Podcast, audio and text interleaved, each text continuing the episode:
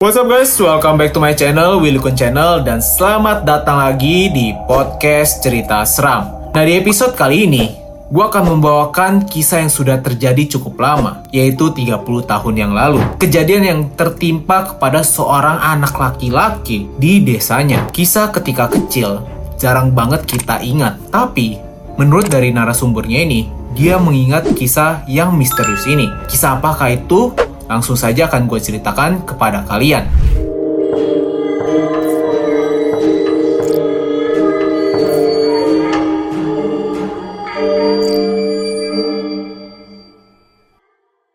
Ini adalah pengalaman ketika saya berusia 6 tahun. Saat ini, saya adalah seorang bapak-bapak berusia 36 tahun. Tadi siang, kakek sudah dimakamkan. Ia meninggal setelah beberapa waktu sakit keluarga dan kerabat yang datang dari luar kota masih akan berkumpul di rumah kakek sampai hari ketujuh. Demikian pula putra dan putri kakek, termasuk ibuku. Semuanya akan tinggal untuk menguatkan nenek yang tengah berduka. Tenda besar yang didirikan di depan rumah kakek juga belum dibongkar. Tiap malam, orang-orang memenuhi tenda itu untuk mengikuti ibadah singkat demi keselamatan jiwa kakek. Namun sebenarnya tujuan mereka bukan itu saja, sebab segera setelah ibadah selesai, sebagian besar dari mereka akan membentuk kelompok-kelompok kecil beranggotakan 5 sampai 7 orang. Mereka akan bermain kartu dengan uang sebagai taruhannya hingga pagi. Begitulah kebiasaan di tempat kami, Saban ada yang pergi. Malam ini, ibu memutuskan untuk kembali menginap di rumah kakek, sementara ayah memilih pulang dan menunggui rumah agar tidak kemasukan maling. Rumah kami memang masih satu kota dengan kediaman kakek dan nenek. Jaraknya mungkin hanya sekitar 15 menit kalau ditempuh dengan kendaraan roda dua. Aku dan kedua adikku tentu saja ikut ibu,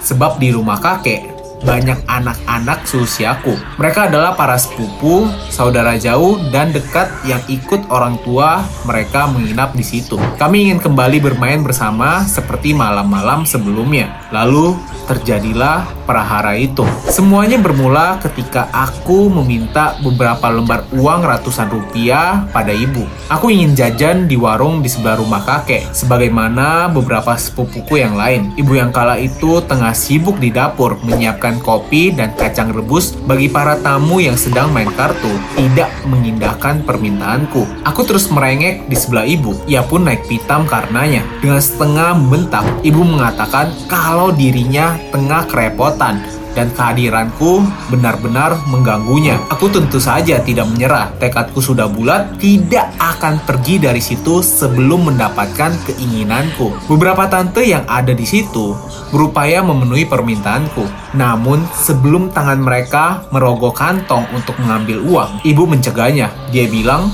kalau aku tidak akan mendapatkan keinginanku pada malam ini. Tak usah jajan, di sini banyak kue, makan saja yang ada. Kata ibu yang membuatku semakin cemberut. Aku tak menyerah dan itu membuat ibu semakin berang. Lalu ia menarikku ke sudut dapur dan memarahiku habis-habisan. Pulang sana, ibu tak ingin lihat muka kamu di sini. Aku seketika sakit hati lantaran ibu mengusirku. Begitu marahnya diriku, sehingga aku memutuskan untuk pulang saja tanpa peduli. Ini sudah beranjak larut dan jalanan sudah sepi. Aku pun pergi dari situ. Perjalanan melewati pintu depan rumah dan melintasi kelompok-kelompok orang yang duduk melingkar menekuni kartu-kartu di hadapan mereka. Saat keluar dari tenda, aku mendengar beberapa pria dewasa yang sedang berdiri sambil merokok bertanya. Mau mana? Aku terlalu marah untuk menjawab pertanyaan itu. Lalu diam sambil berlalu. Kususuri jalan yang sepi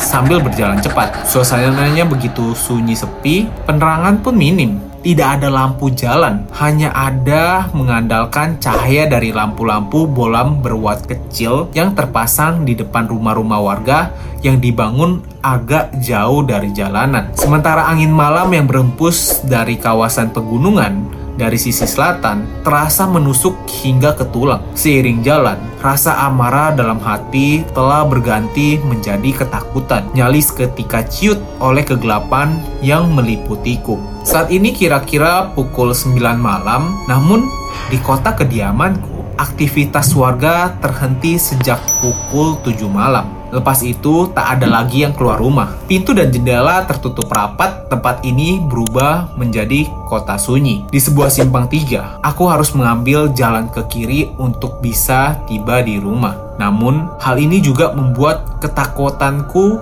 makin menjadi-jadi. Sebab pada tepi jalan yang aku lewati itu, tumbuh beberapa rumpun bambu yang kata orang adalah tempat angker. Aku berhenti sebentar, menghela napas sembari mengumpulkan keberanian yang tercecer entah ke mana. Dari tempat aku berdiri itu, tampak jelas siluet rumpun bambu yang bergerak-gerak lantaran ditiup angin malam.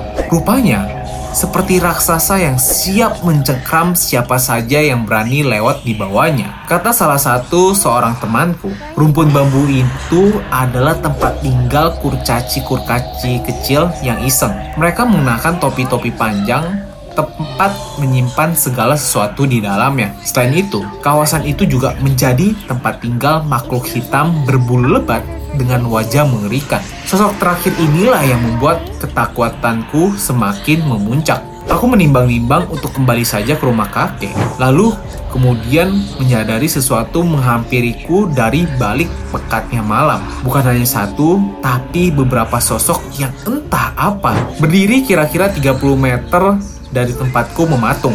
Aku merasa begitu takut hingga tidak bisa bergerak sama sekali. Mulutku juga keluh, tak mampu berkata-kata, apalagi berteriak. Aku merasa hidupku segera menemui ujungnya ketika melihat sosok-sosok asing itu mendekat. Sejenak, di benak terlintas wajah ibu, ayah, dan adik-adikku. Aku kini merasa begitu merindukan mereka, seolah sudah lama tak bertemu. Terlebih, Aku merasa bersalah karena sudah menyusahkan hati ibu. Seharusnya tak kuturuti egoku untuk mendapatkan lembaran-lembaran uang yang saat ini terasa tidak berarti sama sekali. Apakah ingatan-ingatan itu yang dirasakan orang saat tahu ajalnya sudah mendekat? Entahlah. Saat kesadaranku kembali, sosok-sosok pemilik mata yang berkilat dalam kegelapan itu sudah mengelilingku dengan formasi yang aneh.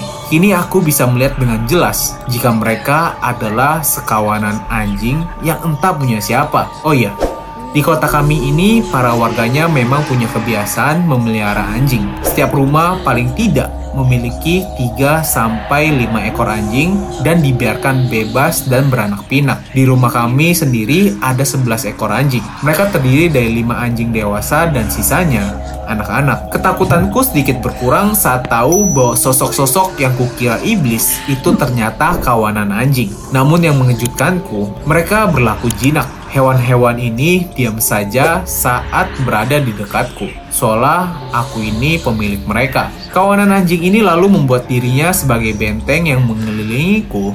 Rasanya aku ini adalah bangsawan kaya yang mereka para kesatria yang siap mengorbankan nyawanya untuk melindungiku. Sebuah pertanyaan pun memenuhi kepalaku. Mereka ini menjagaku dari apa? Aku kemudian melangkah dengan kikuk. Para anjing ini ikut bergerak dalam formasi mereka. Melihat mereka, aku mendapatkan kekuatan untuk melewati rumpun bambu menakutkan itu. Hanya 20 meter dari situ, ada sebuah jembatan permanen dengan aliran air yang cukup deras di bawahnya. Kata orang, tempat itu juga wingit, sering muncul sosok astral berupa potongan kaki. Meski begitu, Langkahku mantap melintasi jembatan itu sebab sekawanan anjing menjadi penjagaku.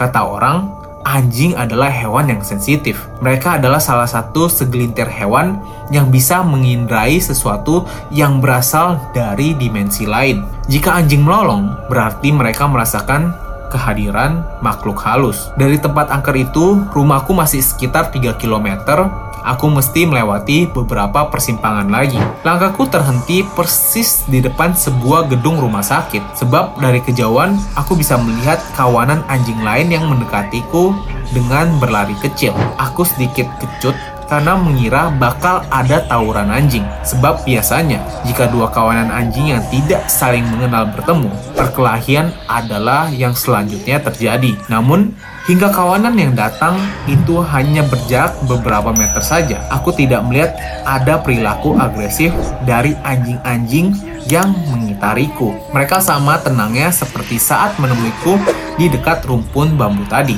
Aku lalu sadar jika kawanan yang baru datang itu adalah anjing-anjing dari rumahku. Ketika tiba, mereka segera menggantikan posisi anjing-anjing yang menjagaku tidak ada gonggongan, tidak ada geraman sama sekali. Proses pertukaran shift itu dilakukan dalam kesunyian. Kawanan sedari tadi mengawaliku seketika balik arah, digantikan oleh regu baru yang menemaniku menyelesaikan 500 meter terakhir hingga tiba di pintu rumah. Wajah ayah tampak begitu bingung saat membuka pintu rumah.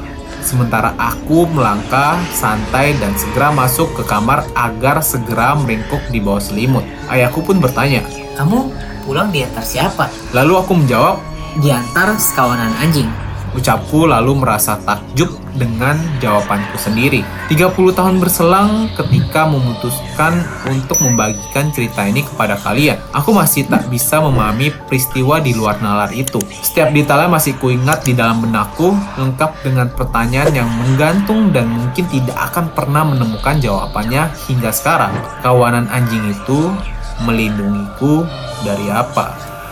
Wow, gila sih guys menurut gua kisahnya. Setahu gue memang kalau anjing itu adalah hewan yang sangat sensitif loh. Gue sempat melihara beberapa ekor dan cerita dari orang tua gue sendiri kalau anjing melonglong memang mereka melihat makhluk halus. Beberapa kali gue sempat ke dapur gue ya pada tengah malam gitu dan gue ada anjing di perkarangan belakang gue dan tinggalnya memang di situ dan di belakang perkarangan rumah gue itu penuh dengan kayak pohon bambu kemudian juga ada beberapa pohon gitu dan dia tuh sering mengelonglong ke arah pohon-pohon tersebut guys. Pas gue lihat tuh nggak ada apa-apa. Daripada gue cek dan ketemu dengan hal-hal yang gue nggak inginkan lebih banyak gue kayak nyuekin aja lah biarin aja tuh anjing sibuk sama mungkin teman dari dimensi lainnya. Gimana menurut kalian kisah kayak gini ada gak sih buat kalian yang punya kisah kayak gini dan mau share? Kalau kalian mau share bisa langsung aja DM di Instagram gue di Wilikun ya guys. Nah itu dia guys kisah hari ini. Terima kasih kalian sudah mendengarkan podcast cerita seram lagi. Dan jangan lupa inilah saatnya untuk kalian share podcast cerita seram ini. So itu dia konten hari ini guys. Gue Wilikun mohon izin untuk menyelesaikan video hari ini. Wilikun sign out. Bye guys. See you in the next episode. Bye